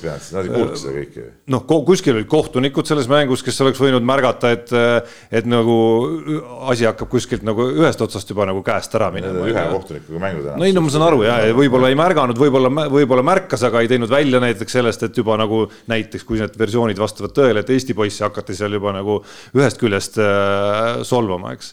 ja, ja kuni siis selleni, et kas see oleks pidanud päädima turniirilt lahkumise ja sellise noh, ikkagi lastest me räägime siin praegu. Äh, ja sellise noh, sellise ütleme siis nagu skandaaliga, noh, ühest küljest ma jällegi ühest küljest saab öelda jah, et õigus võib olla ka Howard Fryeril, kes ütles, et noh, võib-olla siis poistest on kahju, aga et nagu kuluski ära üks selline skandaal, et siis nagu kõik ka meil, meil siin teadvustaksid, et, et ei olegi okei okay Äh, solvata, kasutades siis nagu äh, rassilisi väljendeid, eks ole. aga teisest küljest ma arvan, et noh, need täiskasvanud seal nii selle soomlaste satsi eesotsas kui ka korraldajad kui ka Kohila eesotsas oleks võinud selle asja kuidagimoodi nagu ikka nagu mõistlikumal moel ära lahendada, nii et see sats oleks jätkanud seal, oleks jätkanud võistlemist, asjaosalised oleks oma vigadest aru saanud ja, ja kõik oleks õppinud sellest. mina sain Kaur Reinar jutust aru, et poisid surusid pärast mängu kätt ja kõik olid nagu timm, et ma ei tea, mis mis kuradi ja Plaava seal pärast tahtis? ei no, no vaata, seal on üks asi on, kõik nad räägivad tõesti selle, selle kahe mängija konfliktist, eks, aga nad, nad ei räägi seda, et kas oli siis nii, et äh, ei olnud äh, Kohila poisid kõik valmis tumedanahalisele no, abitreenerile. me ei ole valmis äh, tumedanahalise abitreeneri kätt suruma kust see jutt üldse tuli nagu? ei no soomlased väitsid nii. soomlased no, väitsid nii. oi tumedaha no,, sind, sind ma ei, sinu kätt ma ei suru, oli no Kaur Einaru kommenteeris seda ka Kohil treener siis ja tema nagu niimoodi ei näinud seda, et ja mind seal kohal ei olnud, mina ka ei näinud seda ja sind, ma ei tea, kas sa olid kohal ja ei, nägid ma, seda konkreetselt? ma käisin vaatamas ainult konkreetselt, ütleme ausalt öeldes Marguse poiste mänge. käisid värbamas? ei, ei, Margus mängis. tähendab talente jah. teise klassi poistega seal, ma käisin neid mänge vaatamas. ei, aga tähendab, siit on väga hea õppetund, saage aru, kui on sul ikkagi vastas, tegelikult noh, ega, ega seda ei saa siin ka Eestis. Eestis lihtsalt see N-tähega sõnad jätke oma leksikonist välja, kõik, punkt. ja, ja, ja te saate ise kõrvetada lõppkokkuvõttes et, eh, et okei okay,, soomlased läksid ära, aga muidugi eh, kogu see pask valati ju Eesti kaela, ma lugesin neid pagana kommentaare seal eh, Soome, Soome lehel. see, mis soomlased kirjutavad mu seest täitsa kõik puha. et mina ütlen jaa sulle tead vastu, see on täielik jama, mis sa räägid. tähendab selles suhtes jama, et ei ole mingit vahet, kas sa kasutad solvanguks N-tähega sõna või M-tähega sõna. mitte mingit vahet ei ole aga mikskipärast on. aga mingu siis kurat sitale need kuradi vennad, tead, ma ütlen ausalt siin otse-eetris, näe mis sa ärgu tulgu siis siia, mis vahet sul on, et sa ühtemoodi võid solvata ja teistmoodi võid. nii ta aga, maailm, nii on. aga see on idiootsus ju. ei peaks ühtegi moodi. no nõus, probleem on ju antud juhul selles, et. nõus, ma olen, ma, ma olen täiesti et, sinu. nii ei tohi solvata, nagu, nagu sa kirjeldad või nagu no, kirjeldavad meie. praegu väidab, et umbes nii ei, võib, aga teisiti ei või, see on täielik jama, mis sa räägid. ei, ma veel kord ütlen, teistmoodi ka ei või, aga kui sa ütled selle mõne teise M-sõna siis tagajärjed ei ole nii hullud. sa pead vältima selleks, et ellu jääda. aga praegu ei ole mingit tagajärgi ju. mis tagajärjed olid? mingi võistkond läks minema, oma viga nad ära läksid, noh ei no jaa, aga lõppkokkuvõttes, ei noh, aga mingu siis, mingu siis see poiss kunagi ei ta ei, ma ju veel kord räägin, ei peagi seda ütlema, ei olegi mõeldud, ma räägin, et põhimõte on see, et ei ole, peaks olema niimoodi, et, et ühe sõnaga võid solvata, teisega ei või. tegelikult üldse ei või ju solvata, point on ju selles, ma sulle räägin. no ei, absoluutselt nõus no., aga. ja, ja ma ütlen seda, et, et, et sellest ühest asjast ei saa olla mingid ühesugused tagajärjed ja teisest teistsugused tagajärjed, no see on ju, see on ju jabur. no ja aga paraku on no,, maailm on ja, selline. kokkuvõttes mingit tagajärgi ei olnud, nad läksid minema, läksid minema, noh no on siuksed hellikud, siis on siuksed hellikud. ei no jaa, sa, sa tood nüüd selle soomlaste näitega, Jüri Viipsi näide. no see oli, see oli ka ju vaba, me kirjutasime sinuga mõlemad, sest kolmandat oleme kirjutanud, et see oli täiesti idiootne otsus ju noh. jaa, aga no. paraku maailm on selline. no maailm tule... ongi ajuvaba tihti, kas me peame kõige sellega nõustuma, ei pea. no me, me oleme, meil on võimalus mitte nõustuda aga siis seesama korvpallur, kui ta läheb kuhugi öö, väljamaale kuhugi mängima ja hakkab seal enda aega sõnu kasutama, siis ta lüüakse sealt meeskonnast kiirelt. kaheteistaastase poisiga, mõtle, mis asja sa räägid, noh. Kui ta läheb väljamaale mängima, ta on juba täismees, ta ei hakka siukseid asju kasutama. no Vips kakskümmend üks hakkas kasutama. see ei olnud, no jumal, see oli ju omavahelises, see ei olnud, ta ei läinud kedagi sõimama seda. aga isegi seal, nii kui see on kuskil avalikkuse ette tulevad. aga jaa, sa oled kasutanud toimetuses küll seda sõna. absoluutselt no Urmo kasutas ka minu, tervitas mind, tere Enn no.. noh, nüüd räägite kõik siis ühe hooga nii, võtke järgmine teema. palju õnne. Ei no, no ma, ma Peep ei saa sinu seisukohast nagu, ma saan aru su ühest küljest seisukohast, aga teisest küljest saan aru ka sinu soovist äh, olla nagu vastu sellele, et ainult, asi ei ole ju ainult selles, et äh, ainult selles, et nii-öelda nagu sellel on ju põhjus ka, miks ei ole ilus, no räägime antud juhul keskendume nagu sellesama rassilise solvangule, et see, see ei ole ju ainult küsimus selles, et kuskil keegi on öelnud seda, vaid kuskil on selles, et, äh, et sul on satsis äh, mustanahaline mängija, sul on olnud, eks ole. nii, sa tead, sa tead, et, et selle sama mängija jaoks, selle sama inimese jaoks on see solvang, sa ei lähe talle ütlema seda lihtsalt ju. Et see on ülim solvang tema jaoks, sa, sa ei lähe talle ütlema seda. No ma, ma ja mitte ainult selle, ja mitte ainult sellepärast, et keegi ei, on mingi siukse reegli kuskil ei, ei, välja mõelnud, vaid lihtsalt sellepärast, et, et sa. sa ei lähe talle ütlema, et sa oled M-tähega ka ju noh. no ei lähegi. noh, mis siis vahe on siis noh? no kui ta on M ei no eks. on, siis on, siis ütledki noh. no, no okei okay,, no, te saate isegi aru, et seal on, on. minu on see, et, et minu jaoks ei ole nendel solvangutel mitte mingisugust vahet. no see vahe. mõlemad on, on ju tegelikult ju äh, peaks olema ju keelatud, noh, see on minu jutu point. no mõlemad on selgelt taunitavad, selles pole üldse küsimust, on ju. noh, küsimus on selles, et kuida-, kuida-, kuidas on tekkinud või kus, kus on selle nii-öelda nagu selle äh, mingite solvangute puhul selle nii-öelda tundlikkuse juured ikkagi, eks ole. ja kahtlemata jõuame ka sinna, kus siis nagu sajandeid või aastatuhandeid reaalselt ongi ahistatud, diskrimineeritud inimesi oma nahavärvi põhjal. noh, mingi, mingi asja põhjal, tunnuse põhjal, mis ei sõltu absoluutselt inimesest endast, mis on sünniga tal kaasas. nii on ju no selle, aga ikkagi põhimõte. see, kui ma, see, kui ma solvan ja sõiman sind siin sellepärast, et äh, ma ei tea, sa tegid midagi, siis see on miski, mis oli sinu valik, et sa tegid niimoodi. aga, aga see, mis no, nahavärviga selle... sa sünnid, see ei ole kuidagimoodi. ei jaa, aga no saad aru, ega siis ja keegi ei solvanud sellepärast, on mingi, mingit värvi, no point oli selles, et, et üks hakkas norima ja teine pani vastu, ongi kõik, noh et kas tahaks ütelda, et MN või ma ei tea, mingisuguse F-tähega sõna, eks ole, no sellel ei ole, ma räägin sisulist vahet, sellel ei ole et noh, tegelikult ei peaks ühtegi moodi neid kasutama. nii. Jäähokist natukene ka äh,. enne, enne kui sportlikust poolest rääkida, jäähoki MM-i korraldajad nii Lätis kui ka Soomes on hädas tegelikult, et isegi oma meeskonna mängudel tribüüne täis ei tule. no piletid on üsna üüratud. piletid on üüratud, aga noh, ma ei tea, mingist otsast mu esimene mõte läks ka sinna, kui ma lugesin seda, et et kas asi pole natukene ka selles, et tõesti igal aastal mm. et seda, seda tipphokit on ikkagi nagu koondise tasemel ikka jube palju. no asi ei ole igas aastas tegelikult, vaid asi selles, et nüüd on olnud siin nii Soomes kui Lätis üksteise otsas on olnud MM-id tegelikult, no Soomes oli eelmine aasta ka, eks ole, Lätis oli kakskümmend ei, ei. üks oli ka kuskil mingi asendus, MM oli. ja, jah, oli jah, kas ei olnud see. siis kui Valgevenelt ära võeti. ja, jah, just, just. et, et need asjad on nagu Äh, need on, äh, need on ühes kohas on ikka palju, selles on see asi. ma arvan, et kui siin praegu oleks näiteks Šveitsis või kuskil, no kui sa vaatad Šveitsi liiga mänge, eks ole, mida õnneks äh, kolm sport, kiitus Kalev Kruusile üle kannab, onju.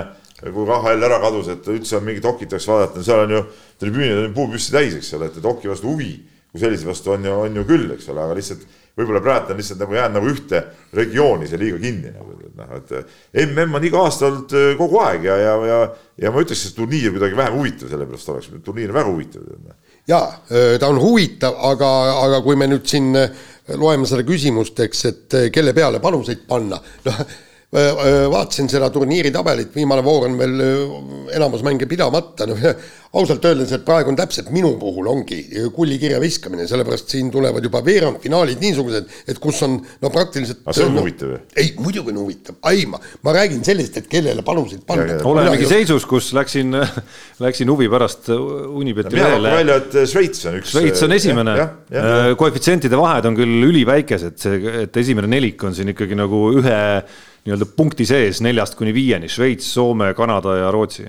Ja USA ja. on seal äh, seitsme peal, ütleme, nel-, need, need neli, kes ma lugesin, on äh, koefitsiendiga neli kuni viis ja siis USA on seitsme peal. ja kusjuures tegelikult see oleks nii-öelda. Šveitsil on päris mitu NHL-i meest ka siukest väga olulist mängijat juures. kusjuures ja see, kui nad tuleks maailmameistriks, et, et see oleks äh, jäähokile igati kasulik, igati pluss. muidugi üks põhjus on see, et, et Šveitsis selle ala populaarsus tõuseks. ja no, tegelikult... seal ongi populaarne, ma räägin veel kord. see on ülipopulaarne ja see liiga tänu selle KHL-i eest ära tulnud paljudele mängijatele, noh, ma jälgisin ju palju sealt ka, needsamad mängijad, paljud panevad seda Šveitsi liigat, et vaata, räägiti kogu aeg, et Soome liiga on ülikõva, eks ole. aga see Šveitsi liiga on ka väga-väga kõva praegu. ja, ja, ja te, teine asi on. Äh, ainuke asi, mis ma veel kord ütlen, ainuke asi, mis nad peaks ära lõpetama, see lollus, mingid, mingid teistsugustes särkides mängivad seal need osad, mingid snaiprid ja, ja see on mingi totrus seal, tead, no ütleme see, meeskond peab olema ühesugune ikka, tead, no ei ole vaja siin mingit no nagu Soomes ka vaata need kuldsed kiivrid ja, ja, ja jura, lõpetage ära see jama. oota, kuidas see lubatud on üldse? ei no see ongi, no see on äh, liiga poolt on see pandud, et see oleks. aa, liigamängud. ja, ja, ja, ja, ja ei, ma tahtsingi öelda, et, et see liigas peaks ära lõpetama selle no., et, et muidu Šveitsi liiga on kõva, see on lihtsalt põige. ma Šveitsi liigat väga palju jälgisin sel hooajal, väga huvitav. no igal juhul siis hoiame pöialt Šveitsile. jah, mina olen pöialt muidugi Lätile, see, kas te Läti-Kasahstani seda seitse-null äh, mängu vaatasite? no ei, kindlasti ei vaadanud no sellepärast, et on seitse-null. Läti paneb ikka äge, noh, äge, äge, noh. ikka oma mehed tead, noh. laseme kõlli. kohe näha, et Peebul on aega tekkinud ikkagi äh, hakata nagu telekast sporti ka hakata vaatama, et siin Kossu hooaeg on läbi ja vabanenud on ikkagi tohutult äh, tunde no tohutult tunde ei ole vabanenud muidugi, aga ütleme okit äh, ma olen ikkagi püüdnud vaadata, nagu õhtu ikka vaatad neid hiliseid mänge, mis seal, mis seal õhtuti näitab. aga see äh, Läti, Kasahstan, see oli, olin laupäeval saunas ja siis mul saunas mängis. oota, mul nädal Keilas rubriiki meil praegu küll ei ole, aga kas scouting ikkagi nagu täie hooga käib? Scouting käib. kas äh, on juba järgmise hooaja satsi nurgakivid paigas? nurgakivid ei ole paigas, küll aga on, on on isegi üks äh, leping on äh, nii-öelda nagu saadetud äh, Teele. vaatamiseks, ei vastupidi meile nagu ütleme agendi poolt, et no vaatame, mõtleme, välismaalane, jah, pikk lühike. no pole tähtsust. Lebron James, ja ta sealt kukkus välja, et siis enne sai alla kirjutada, nüüd kukkus täna öösel välja, pani nelikümmend silma, oli vist nelikümmend, jah, jah. räägiti, et kõige vanem mängija, kes on Play-off'is nelikümmend vist. või, või ma ei mäleta, kas see puudutas konkreetset turniiri faasi või tervet play-off'i, aga võib, võib-olla ikka võib play-off ka olla. ja, jah, jah, vot nii. Nii, aga räägime ma segan lihtsalt, et, et tegelikult ka neid NBA asju siin play-off'i ajal midagi ei ole öelda, on ikka äge vaadata, et et äh, minust on vaikselt Nikolai Jokic'i fänn ikkagi saanud, et, et siin noh et äh, äge on imetle-, on äge on imetleda neid erinevaid tüüpe, kes kõik võivad korvpallis domineerida, et, et äge on vaadata sellist nagu segu füüsilisest domineerimisest eh, koos nüüd siis pikaajalisusega ka veel nagu on Lebron James eh, suutnud nagu kokku panna siis nagu mänguoskustega, eks. siis Steph Curry sugune selline nagu noh, vaatad peale nagu mees tänavalt siin ei ole ju mingite tohutute füüsiliste eeldustega ja siis, siis on võimeline sellisel moel mängu domineerima ja siis Nikola Jokic on minu arust täitsa veel omamoodi tõug natukene veel nagu mängija tüübilt seal pika keskmängijana ke- kelle kehalisi eeldusi vaadates justkui ka ei, ei leiaks, et ta peaks suutma kõiki neid asju seal tegema, et noh, seesama võidukorv, mis ta täna öösel viskas kasvõi et öö, oli sihuke äge kontrast seal, kuidas Lebron läks jõuga lahendama seda viimast asja seal viimasel sekundil seal ja siis kuidas osavusega Jokic enne seda oli ikkagi oma võidukorvi ära visanud, et et öö, päris, päris äge on jälgida. nii, aga räägime äh, natukene rallist ja äh, Hyundai peab siis äh, palkama Craig Braini asemel uue sõitja ja tegelikult eks need märgid ole natuke segased, aga nii Väga palju, ja aga nii palju, kui mina sain aru, Hyundai tahab nüüd sellelt nii-öelda neljaselt koosseisult üle minna kolmesele koosseisule, sa-, saati järgmine aasta. järgmine aasta jah ja,, kuna siis Tanis Ordo ilmselt äh, lõpetab ära. võidusõidu ja siis neil oleks siis Thierry Neville, Esa-Pekka Lappi ja vot nüüd siis kolmas mees. ja, ja selle peale öeldi eh, no et nad tahavad nagu pikaajalist eh, projekti ja, ja kuskilt kumas läbi, et noorema sõitjaga lepingut sõlmida, aga noh, no neid vendi on jalaga segada, point ongi selles, et neid vendi on jalaga segada ja raske on nagu hinnata, kes neist. no kõige kindlam valik oleks Teemu Suninen, muidugi sest ta on Hyundai'ga sõitnud, Just. seal tiimi sees olnud ja, ja minu arust tegelikult noh, võikski olla täitsa, täitsa äh, okei okay variant, ütleme, aga, aga ütleme, ülejäänud on kõik siuksed noh, kellelgi nagu seda, seda kogemust ei oleks, eks ikkagi natuke sihuke, kuidas ma ütlen, nagu, nagu põrsas kotis mõnes mõttes noh. Jaa, aga muidugi suur viga tehti selle, sellega minu meelest, et see Oliver Solberg eh, sealt minema saadeti. Ja ei, ei, ole päris oot, oot, kindel, oot, oot, anna, anna poisile sõita R5-ga, las ta sõidab selle R5-ga ja siis, siis vaata, kui me, me, mees hangib kogemusi ja aga selle R5-ga on päris palju sõitnud, seda ta on tõestanud ka, et R5-ga on väga kiire, kui ta teel püsib, siis ta, siis ta võib äh, võita ka, eks ole, aga aga see R5 ja Virtsu, ütleme, see vahe tema puhul tuli nagu väga selgelt nagu esile, et nagu Virtsuga need asjad ei tulnud ikkagi niimoodi välja. ja, ja, ja, ja noor alles, noh. just, aga, aga, aga siin ongi, mida mina näen, et mikspärast Suninen, sellepärast et temal on juba see WRC auto, Ja no on on olemas., on kogemus olemas ja asi on käpas ja, ja kõik ta on Hyundai Virtsuga ka sõitnud, onju. Ja, ja ja, ta ja, enne ja. seda sõitis ju M-spordi Virtsuga, et tal Ja. on nagu mitme selle, mitme sellega. ja kusjuures ta ei olnudki väga, kuigi noh, tal, tal tekkisid siin probleeme, aga ta on kiire poiss ja ta on kiire poiss, ma arvan, näiteks kui nüüd äh, Hyundai'l praegult äh, oleks vaja ikkagi nagu selle aasta peale mõtelda, siis äh, Soome ja Rally Estonia on tulemas, eks ole, Rally Estonia Soome sedapidi, siis, siis Suninen oleks äh, ütleme nendel rallidel, ütleme asendusena oleks, oleks vaieldamatult kõige parem mees, noh, siin ei ole midagi rääkidagi. just, aga, aga, aga nüüd võtta, võtta mõni sõitja, tähendab, me ei räägi Grainsmetidest ja nendest, nemad on saanud selle WRC-ga põristada. Greensmiti, see, mis see Dirtwissi äh, asi jutt oli, no see tundub minu arust kõige kehvem valik veel, noh. no just, absoluutselt noh. see on täiesti jama valik, noh. mees sai eh, mitu hooaega sai, sai ennast tõestada ja, ja proovida ja ta ei olnud nagu seda, seda õiget kiirust polnud ligilähedastki, mis peaks nagu olema, et, et see ei ole küll mingi, mingi teema noh. ja, ja aga võt-, ütleme seal, kui me räägime nüüd näiteks sama Suninen ja Kriismit taseme vahet, siis see on selline noh. no ja, absoluutselt absoluutselt. ja aga, aga võtta nüüd, nüüd täiesti äh, R5 mees, kes ei ole WRC autoga kunagi sõitnud. No ütleme niimoodi, see, see on kahtlane, sellepärast et sa ei, sa ei tea, kuidas ta üldse ko- kohaneb ja kuidas ta, kui, kui, kui sa oled juba Solbergi si- kõrvale jätnud, eks ju, andes talle võimalusi ja kõik äh, kõrvale jätnud ja võtta nüüd siis, siis ma ei teagi, kes, kes, kes selle Emil Lindholmi või, või, või selge see, et need vennad peavad ka ükskord mingi sammu edasi tegema. Need Lindholmid ja Lindholm on WRC kaks tšempion ikkagi ära no ei, ongi, jah. Ei, on, on, on, on tšempion. oot-oot-oot, kaardilugeja on tšempion. ei, ei, tema on ka, ta äh, Jaapanis võitis selle, ma, ma kirjutasin sellest. aa, Ah, okei, et, et äh, aga mis teema seal oli, et kaardilugeja ei, ei, see, see sai varem, varem sai kätte, jah, Ja, õigus, ja. õigus, ja, ja.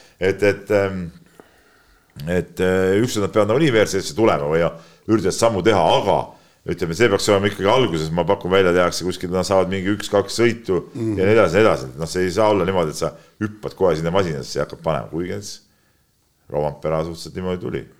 aga kõik need ei ole Rovamperad. no ja ta peab saama võimaluse istuda WRC autosse, aga ke- kes sulle annab praegu, mis minu meelest oli üks kõige jõhkramaid äh, nii-öelda äh, lugusid, soomlased kirjutasid, vaata see Itaalia äh, see paganama är- ärimees, kes tahtis Jah. äh, tulla sõitma. ja selgus, et äh, WRC autoga üks ralli maksab nelisada tuhat eurot et ühesõnaga ei Lindholmidel ja kogu sellel kambal, neil ei ole raha selleks, et istuda WRC autosse nagu omal ajal Marko Märtin on ju, eks mm. -hmm. istus, tuli ja näitas, et ta on kõva mees, sai siis tehasega lepingu. Nelisada tuhat, sellega saab sõita juba praktiliselt pool, pool hooaega äh, Rally2 äh, sarjas.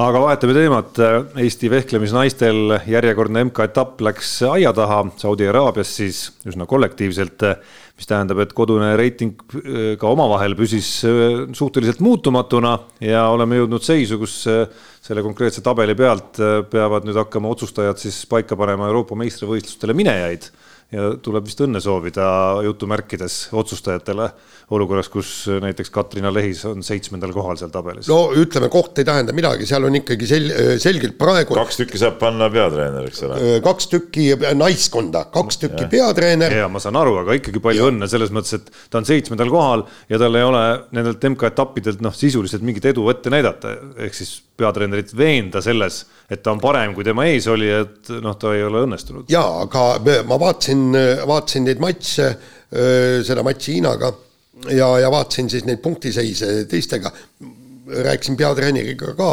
stabiilsust pole. et tal ei ole praegusel hetkel stabiilsust, enesekindlust. teatavasti on Beljajeva pole ka hea, et, et ühesõnaga, seal on, nüüd tuleb valida kuus kirpu lehis. Nende kolme seast tuleb kaks valida ja, ja siin, siin sai natuke asjatundjatega arutatud, et seal on üks, üks väga huvitav Tihvert on esimene ja Emmerich Emmerich on teine jah, nii jah., üks, üks väga huvitav, üks väga huvitav mõte oli, et lehis panna automaatselt me- naiskonda. sul ei ole, praegu ei ole Anko naist. sul ei ole Anko naist. Emmerich on liiga vana. nii, tähendab, sul on vähemalt Anko naine olemas. ja individuaalturniiril lasta vehelda Kuusel ja Kirpul. Ja kumb on parem, see tuleb neljandana sisse, kusjuures individuaalvõistlusel ju äh, EM-medaleid välja ei anta. Jaa, seda küll, aga siin- plekkmedalid. Ja see jälle, et Venemaa tuleb mängu, kuna Venemaa ei saa osaleda, siis, siis ei anta medalid välja, tehakse hilisem EM kuskil mujal, et Venemaa ja, ja Valgevene saaksid ka osaleda. just, et, et nii, et, et see on on selle jutu nagu, ma ei tea, kas sa tähele pannud seda uudist, aga see oli selle jutu, Jaa, jaa, rääkisime, et see on nagu, et see asi, see rong nagu liigub lihtsalt nii. ei, see, see ei tule üllatusena, tennisemaailmas on see rong ju Ja, ja, pole, pole pole korralikult seisma jäänud. üldse spordis ma tahtsin seda ütelda. aga, aga tegelikult on, on see, et, et no nagu Kaido Kaabermaa meenutas, enne Riio olümpiamänge me alustasime esimesel punkti MK-etapil saime kolmeteistkümnenda koha, enne Tokyo olümpiamänge seitsmenda koha, mis ei ole suurt vahet, seitsmes-üheksas, punktide vahed väga, väga väiksed. et, et midagi pole kadunud, aga nüüd ongi see, mm annab topeltpunktid. Ja seal tuleb olla hea. Jah. nii ja lähme edasi ja Eesti üks rikkamaid mehi, Rain Lõhmus on siis teinud öö, oma üheteistaastasest pojast nii-öelda tennise startup'i ja tahab näha, et, et kas miljon dollariga saab temast tippmängija, päris huvitav idee muidugi. ma loodan väga, et, et Daniel Poiss ise, ise, ise ka tahab ikka. tead, tegelikult see on, et noh, okei okay,, ma olen ka ise tennist mänginud ja, ja kõik see ja siin, siin ikkagi on ja ma olen lugenud raamatuid, Andrea Kassid ja kõik niimoodi. ütleme niimoodi, et seal on teatud omadusi, mida raha eest ei saa osta. olgu sul nii palju raha kui tahes see on täpselt nii, nagu on, äh, on. ei no selge see, et sa teatud tasemele suudad nagu äh, maksimaalselt äh, kõrgtasemel treenides nagu seda viia, aga kas tippu on, see on ometi. jah, sest äh, see on täpselt nii, nagu kui me vaatame kestvusspordialasid.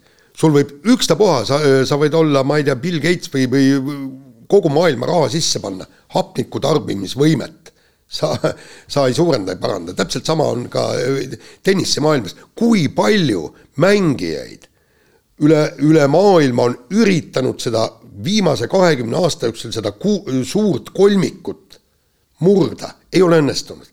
kõikidel on ju parimad treenerid, raha on neil, mis, mis me räägime miljonist dollarist.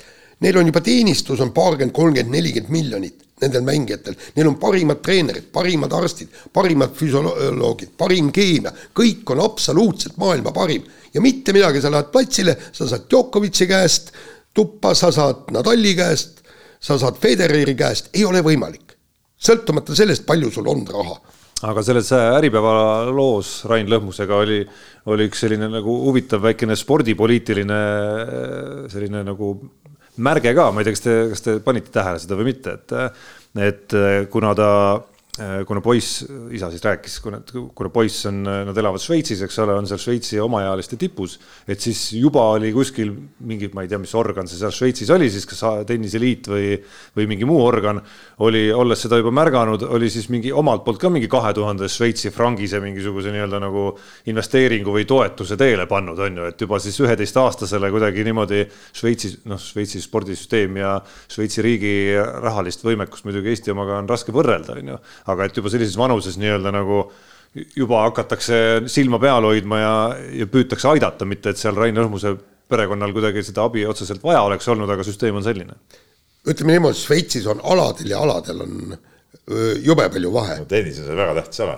tennis on tähtis ala, judo, nad said esimese maailmameistri, Šveits. ei mingit toetust, ei mingit preemiat.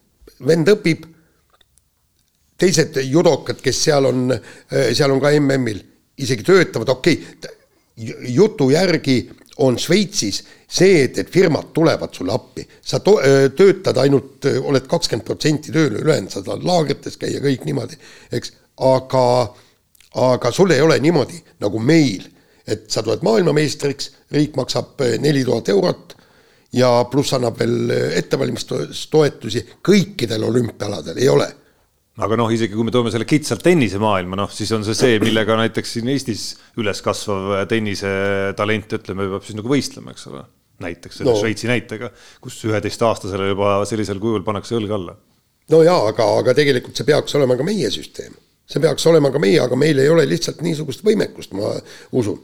sest meie peaksime ka otsima kõikvõimalikud talendid üles ja, ja aitama teda aitame teda tipu suunas, kui sa näed, et sealt võib midagi tulla. aga kui see nii-öelda tippu jõudmine jääb raha taha, selle taha, et, et me ei suuda seda kaheteist, kolmeteist aastat toetada kahe tuhande euroga kuus näiteks või, või, või tuhande euroga kuus ja selle taha jääb meil järgmise Kontavidi ja Kanepi esiletõus, vot see oleks jama. jah, aga noh, siin me läheme maale, kus me ei tea, võib-olla, võib-olla tegelikult me suudame yeah.. ma ei oska öelda, noh. ei tea, see, see on. siin, siin on ju Urmas Sõõrumaagi on rääkinud, ei, Henn Pant, kumb neist rääkis mm -hmm. sellest mingist vägevast talendist, kes ja. meil kuskil on kasvamas, on ju. ja, aga võib-olla toetatakse. võib-olla kõik on väga okei okay.. jah, nii, võtame järgmise teema ja Levadia hispaanlasest pea, peatreener Curro Torres andis teada, et, et Eesti liiga on selles mõttes, seepärast kesine et eh, liiga vähe võõramaalasi on, meil piirangud peal, et viis, viis välismaalast saab vist platsil olla ja ja, ja, ja ta leiab, et, et kui on rohkem võõramaa, võõramaalasi, siis saavad Eesti mängijad nende kõrval korralikult areneda. no ei no. saa päris nõustuda, see, sellega ma olen nõus, et välismaalased, kui need on head välismaalased, kõrval saavad omad mängijad areneda, aga sellisel juhul ei tohi välismaalasi olla liiga palju, ma arvan, viis on tegelikult no okei okay,, võib-olla jalkasatsis, no võib-olla no viis-kuus, okei okay,, see niisugune piir on, on täitsa, täitsa okei okay ja, ja kindlasti ei pea see olema rohkem, et kui siin tood kümme välismaalast äh,, paned nad platsile, no kus, kus need Eesti omad poisid ikkagi väga arenevad, et, et et see on niisuguse suure jalgpallimaa mehe mõttemaailm, mis ütleme, meie meie oludesse konteksti ei, sobi tegelikult. no teisest küljest on mingi iva ikkagi selles, et selline nagu kunst, kunstlikult äh, avansina liiga lihtsalt põllule pääsemine nagu ega see oma mängi arengule ka midagi ei anna. no mis asi on kunstlik ja liiga lihtsalt? noh, see, et su, su tase võib-olla tegelikult ei vasta, eks no, ole. siis toome sa... davai, iga meeskond toob kakskümmend hispaanlast siia mängima ja. ei no see on, see on mingi teine äärmus, eks ole, kuskil on vahepealne ala ka. no vahepeal on, ongi see, mis praegu on kuule, aga, aga ütleme niimoodi, et see, et, et, et siin tõde ei ole, ma ei tea, kas sa, Tarmo, mäletad, see, äh, me olime Õhtulehes, see oli ikka aegu tagasi, see oli veel spordiajakirjanik ja kui Priit Pullerits kirjutas pika kommentaari, et Eesti korvpall on omadega põhjas sellepärast, et meil on liiga palju võõrmängijaid meeskonnades, kuigi neid ju tegelikult üldiselt ei no, ole. kui sa nüüd Euroopa konteksti paned, siis on meil Nii, väga vähe neid. just, oota, Pullerits kirjutas see, esimene asi, mida sina tegid lasid pilgu, Euroopa meistriks tuli Saksamaa toona, oli vist või? võis olla. ma ei tea, mis, oleneb, mis aastast sa räägid. ei, vot ma ei mäletagi, mis, ei no ammu ei olnud, aga see oligi toona. ja siis, kui sa lasid selle pilgu üle, kui palju seal kõrgliiga klubides välismaalasi oli, siis lõpuks selgus, et meisterklubis nii palju, mina mäletan, kaheteistkümnest mängijast oli vist kümme võõramaalast üks. Saksa klubis täitsa tavaline praegu. jah, üks sakslane, kes istus enamasti pingil ja siis üks nii-öelda saksa päritolu ameeriklane ja ometi nad olid nii-öelda Euroopa tipus. ehk siis, et selles mõttes on kummaline, sul on, sul on võistkonnad võõramaalasi täis, aga oma korvpall on ikkagi no hästi kõrgel tasemel, millest see tuleb? Et noh, ma arvan, see tuleb ka sellest, et nad peavad eh, nii-öelda läbima vähe suurema olelusvõitluse selleks, et nendes samas oma klubides ka nagu pilti pääseda ikkagi, et, et see, see on ju kahe otsaga asi natukene, et see liiga lihtsalt on need kohad sul garanteeritud, mis tähendab, et sul on ka palgad garanteeritud, sest klubid peavad ikkagi nagu hoidma ja need oma mängijate palgad selle võrra lähevad üles, ma ei tea, kas Eesti jalgpallis see, kui suur see nagu probleemina nagu antud juhul on, on ju, aga, aga noh, see toimib, seal on nagu see, et selle balansi leidmine äh, on oluline, ma arvan, seal, et, et noh.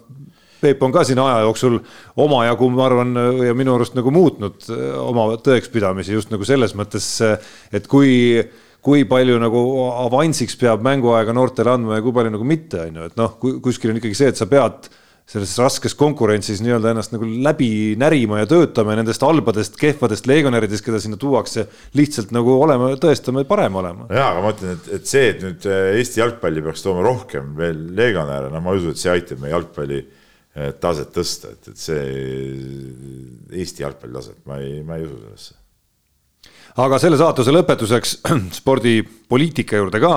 reedel toimub Paides spordikongress, selline üritus, nooremad kuulajad kindlasti kergitavad kulmu, mis asi see veel on. igatahes on see seekord üritus, mis juba enne, kui toimuda on saanud, on siin äh, nii mõnegi laua taga istuja poolt maatasa materdatud ütlesin midagi valesti või?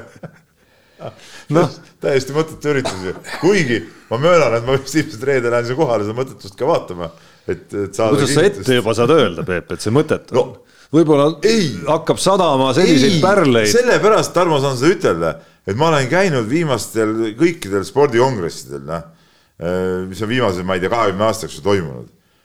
see on täiesti selles suhtes nagu sisutu, isegi kui seal mõni inimene räägib äh, mõistlikku juttu, aga mis siis? mis see tulem on? no hakkavad liikuma. mis asjad? No ei, kuulajad nopivad vasta, üles, otsustajad nopivad hea mõtte üles. saad aru või? sellel üritusel ei ole mitte mingisugust juriidilist jõudu. äkki näiteks uus see... kultuuriminister kuulab. uus kultuuriminister ei veeda tervet kongressi koha peal. no tema kantsler siis näiteks. no kantsler. kuulab, mõtleb, aa okei okay,, teeme. Tarvi Pürn teab kõiki neid eh, asju eh, kümme korda paremini, kõik need lava peal eh, jutustajad seal kokku ja kui sa nüüd vaatad seda programmi jah, selles suhtes ma olen nagu nõus äh, et see programm ongi nagu võib-olla noh, noh, sihuke nagu mõttetu, aga see nagu ütleme, peegeldab täielikult selle kogu selle ürituse eh, mõttetust ja, ja minu arust seda võiks rahulikult lükata selle nii-öelda sinna, sinna EOK kaela või las, las teevad eh, ja mingid siuksed nii-öelda mõttetalguid seal, seal oma üldkogudel ja, ja täiskogudel ja asjadel. milleks see kongressi kokku kutsub, mis, mis selle nagu see point või idee on? saab linnukese kirja. ei no jaa, aga sellel ei ole mingit, mingit äh, mõtet ja nii nagu Jaanus Kriis ka rääkis, olete ka Pulleritsu kurikuulsat intervjuud muidugi lugenud, mis oli, äh, mis oli nagu oma olemuselt äh, väga kõva, okei okay,, seal võib paljude asjadega nõus olla või mitte nõus olla, see on nagu igaühe eraldi asi, aga, aga noh, ütleme, see oli kindlasti tähelepanuväärne intervjuu. siis ma nagu Kriisiga selles suhtes ka nõus ei ole, et kaks tuhat kümme nüüd näiteks oli mingi oi-oi, kui, kui tore see kongress, ma otsisin välja, seal oli see, mul oli avapildiks see pilt. Seal äh, lava, lava peal oli siis pikk laud sihuke, seal istus umbes kakskümmend inimest just lava taga, see on nagu, nagu äh, poliitbüroo mingisugune presiidium, tead, punase laua taga istusid seal. Ja see nüüd siis on mingisugune õudne, õudne äge asi ja ütleme, praegune variant on siis ENSV spordisüsteemi tagasiminek, see on ka jama jutt, et noh, parem lõpetame selle, selle pagana kongressi üldse ära ja sellel ei ole mingit, mingit mõtet nagu siuksel asjal. ja, ja Peep see, et, et me ei saa siia, sinna tuua nagu neid inimesi väitlema, sellepärast et meil on tegelikult siin spordis on niivõrd palju konfliktset omavahel. ei, aga mille üle, mida sa seal väitled või kuhu see väitlus peab nagu välja viima? ei no. sa saad teha alati, saad teha mingisuguse seminari, mingisuguse asja, eks ole, kus sa seal võid väidelda, teha, aga, aga, aga mis selle tulem nagu on no?? mis see tulem on nagu selle asjal? Ei no, no, ei, no ega see, kui väideldakse ja ventileeritakse ja, ja nii-öelda. ei ole olnud mitte mingeid tulemeid Tarmo, Tarmo, see, siin, siin on, siin on vastuolusid nii palju. Ma, ma tahtsingi öelda, et. vastuolude et... põhjus on selles, et raha ei ole. see on praktiliselt üks põhjus. üks põhjus. tähendab, vastuolud, võtame, kui me räägime EOK-st, eks. olümpiaalad, mitteolümpiaalad, pallimängualad, klubid treenerid, palka ei ole. noh, sa istu seal spordikongressil kolm päeva A kaheksa tundi ja räägi, et treenerite palk peaks äh, tõusma.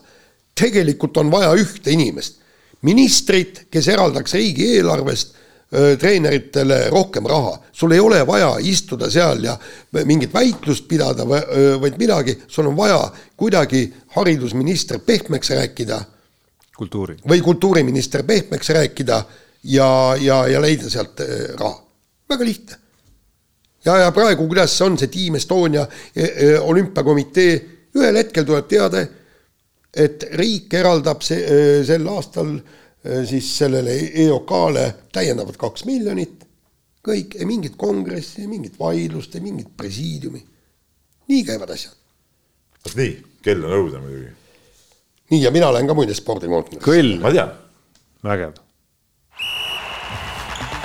Unibetis saab tasuta vaadata aastas enam kui viiekümne tuhande mängu otseülekannet. seda isegi mobiilis ja tahvelarvutis.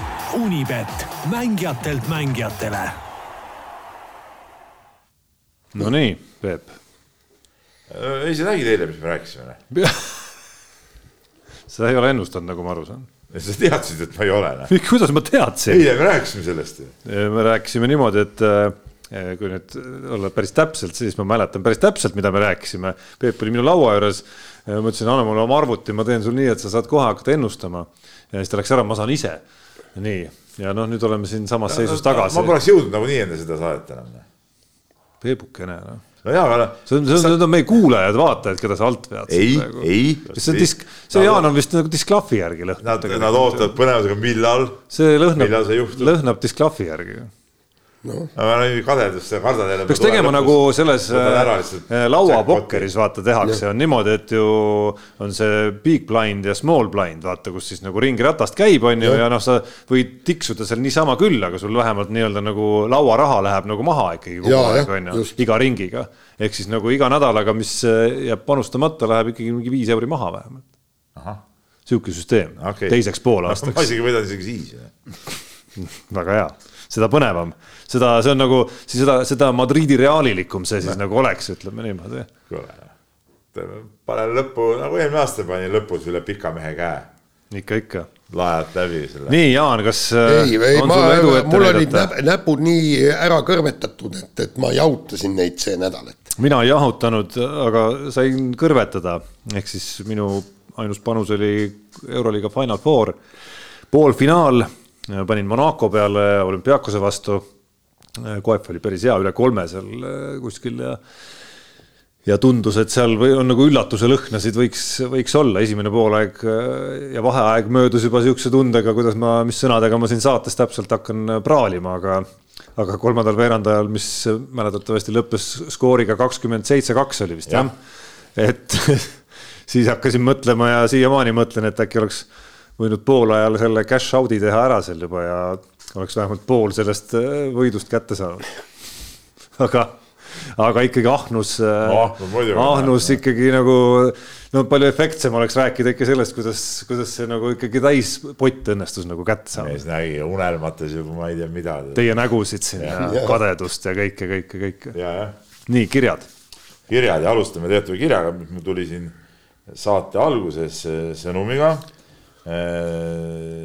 raadiokuulajalt nii-öelda ma nime ei ütle, tegemist on äh, endise tippsportlasega, küsimus, küsi-, küsimus Jaan Martinsonile. ilmselt lähtub ühest sinu artiklist, et mida tähendab lause mehena sündinud naine? seda tähendabki no.. ta sündis mehena ja nüüd, kui sa vaatad äh, passi, seal on kirjas naine. väga lihtne. on sihuke asi olemas? definitsioon. on. No ei, välja arvatud see, et see nagu paberi peal nii on, kas päriselt sihuke asi on olemas? on ju paberi peal. ongi paberi peal, see, seda ju ütles, seda ju ütles, kes, kes oli see Vallimäe või antidopingu juht või kes see on. noh, kui küsiti, et, et kui tuleb mehena sündinud ja deklareerib, ütleb, et ta on naine, isegi vaatamata sellele, et kas tal on soovahetusoperatsioon tehtud või mitte, siis tuleb esmalt vaadata passi. Ja kui passis on kirjas, et ta on naine vaatamata sellele, et tal till ripub, siis järelikult ta on naine ja tuleb võistlema. minu arust ütleme, valetamise eest tuleks see passi väljaandja vangi panna. ei, see antakse riiklikult, tähendab no, riiklikult, see, see, see ei anta niimoodi, sa ei saa, sina, Peep, ei saa minna rahulikult sinna kuhugi ja, ja öelda, et ma olen nüüd naine, pange mulle sinna passi naine. seal on igal riigil on omad noh, mida sa pead selleks tegema, et siis muutuda mehest naiseks. Ja, ja see on jama, nüüd see raadiokuulaja, see oli raadiokuulaja küsimus. Nii, nüüd lähme edasi, Mait küsib meil niimoodi, et mis on teie hinnangul seni suurimad vastuseta jäänud küsimused Eesti spordis? et tema enda esikolmik oleks selline, Värniku õlavigastus kaks tuhat neli, Asmer saanud F1-te ja kui kõva me-, kui kõva mees Veerpalus tegelikult oli. noh, ma ei tea, siin nagu need tema esikolmik kaks tuhat neli ja Värniku vigastus. no Ateena olümpia eeldasin. see oli see salto või? see salto ja. ei ma mõtlen, mis see seal vastuseta otseselt jäi, et oli rumal, rumal vigastus, mis maksis talle tõenäoliselt, maksis talle tõenäoliselt medali. ta ise elas seda ka päris, olin kohal, mäletan seda, elas päris kõvasti üle seal kohapeal, aga midagi, mingit salapära sinna nagu seal, ei jäänud. ma arvan, et rohkem on mõeldud võib-olla neid, äh, neid muid Värnikuga seotud. Äh, no et mis oleks, kui, vabandust, ma nägin seda kirja ka, et mis oleks, kui, eks ole. oli selle küsimuse rõhuasetus. et mis oleks olnud, kui seda vigastust ei oleks olnud. vaata meili äh, pealkirjas on see, mis on, oleks, kui okei okay,, mul on, ma seda ei pannud tähele, ma koppisin selle kirja enda. no ikka, ikka, no ainult rapsid no. saate ei, ajal nüüd vaatad, töötad kirja läbi. mis vastused, no Värnik oleks saanud medali, noh. Asper oleks olnud tavaline äh, vormelimees seal kuskil teises pooles ja, ja, ja, ja no Veerpalu eh, oleks ka ilma dopinguta olnud kõva sõitja kui no, küsimus on, kui kõva sõit. no ma arvan, ta oleks medalid kätte saanud ka ikkagi, tal on ilus tehnika. no Asmeri, Asmeri asemel huvitavam on, et kus oleks Jüri Vips praegu, kui oleks see õnnetu videokene jäänud olemata, kuigi eks see karjäär tal ei olnud väga hea koha peal. ei olnud, ei no seal on ikka. aga ilmselgelt ta sõidaks praegu mingis sarjas ikkagi. no jah, aga mis sarjas, vot see on tege-, tegelikult küsitav. no nagu ma olen kogu aeg rääkinud, Asmer on tegelikult olnud kõige potentsiaalsem F1 Eesti sõitja, aga paraku tema probleem oli ju selles, et ta jäi oma Inglismaa F3 tšempioni tiitliga üks aasta äh, hiljaks, enne eelmisel aastal oleks ta võitnud. ja siis tulidki ju, siis oli Vettel vist Fisichella seal mit, äh, mitmed sõitjad, seal oli nagu põlvkonnavahetus ja siis, kui Asmer nagu võitis selle tiitli siis olid kõik äh, nii-öelda kohad täis äh, ta võeti küll Sauber, BMW Sauberisse ju nii-öelda neljandaks piloodiks, eks, valmistati ette teda, aga siis Sauber pani pillid kotti, sinna see karjäär läks.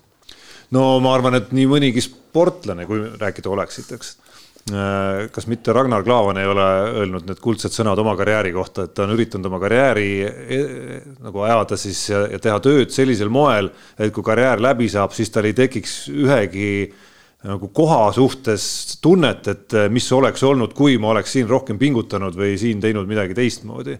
et ma arvan, et neid sportlasi Eestis, kes nüüd noh, erinevalt Klaavanist saavad mõelda, et mis oleks, kui ma oleks andnud endast kõik, ma arvan, et neid ikkagi leiab.